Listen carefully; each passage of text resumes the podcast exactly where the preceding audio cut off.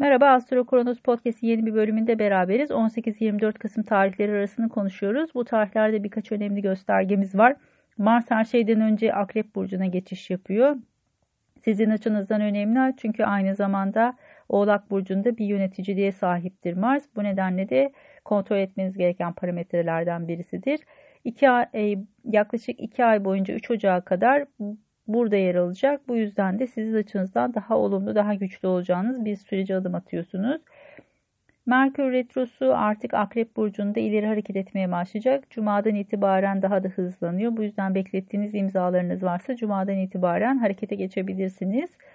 Bunun dışında Güneş Yay burcuna geçiş yapacak. Sizin biraz 12. evinizde kalıyor. Birazcık daha kendi başınıza kalmanız, birazcık daha oturup düşünmeniz gereken, birazcık daha dinlenmeniz gereken bir sürece adım atabilirsiniz. Şimdi e, günler üzerinden bakalım. Pazartesi günü biraz ani masraflar ortaya çıkabilir. Belki ortak gelirlerle ilgili vergiler, krediler, borçlarla ilgili bazı e, gündemleriniz olabilir. Salı günü itibariyle e, açıkçası biraz sosyal hayatınızın hareketleneceği, birazcık daha fazla e, arkadaşlar, meslek grupları, dernekler bu alanlara yöneleceğiniz bir iki aylık süreciniz var. Bu süreç içerisinde daha aktif, daha hareketli ve daha mücadeleci olacaksınız. Aynı noktada bir Merkür Retrosu yaşandı. Bu süreç içerisinde bazı yanlış anlamalar söz konusu olmuşsa şimdi bunları toparlayabilirsiniz. Ya da geciken bazı kararlar, iletişimde bazı kopukluklar yaşanmışsa şimdi bunları yavaş yavaş toparlıyorsunuz. Cuma günü Güneş 12. evinize geçiş yapıyor Yay burcuna. Şimdi 12. ev genel itibariyle mahremiyetle ve biraz yalnız kalmakla alakalıdır ama yay burcu sembolü pek buraya uygun değil. Açıkçası yay biraz okumakla, e, birazcık daha araştırmakla, gezmekle de ilgilidir. Kişisel gelişimle alakalıdır.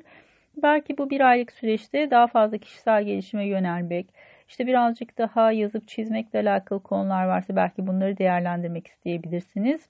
Çünkü oradan geçen bir Jüpiter aynı zamanda yayıncılıkla ilgili kısımları da destekliyor. Belki burada e, daha farklı bir e, yaratıcılık boyutu yakalayabilirsiniz. Ama genel itibariyle burası tabii ki bir kapalı alandır. E, bu nedenle de bir miktar belki yalnızlıktan keyif almak anlamına gelebilir. Belki inzivalara katılabilirsiniz. Farklı kültürlerle temas etme şansı yakalayabilirsiniz.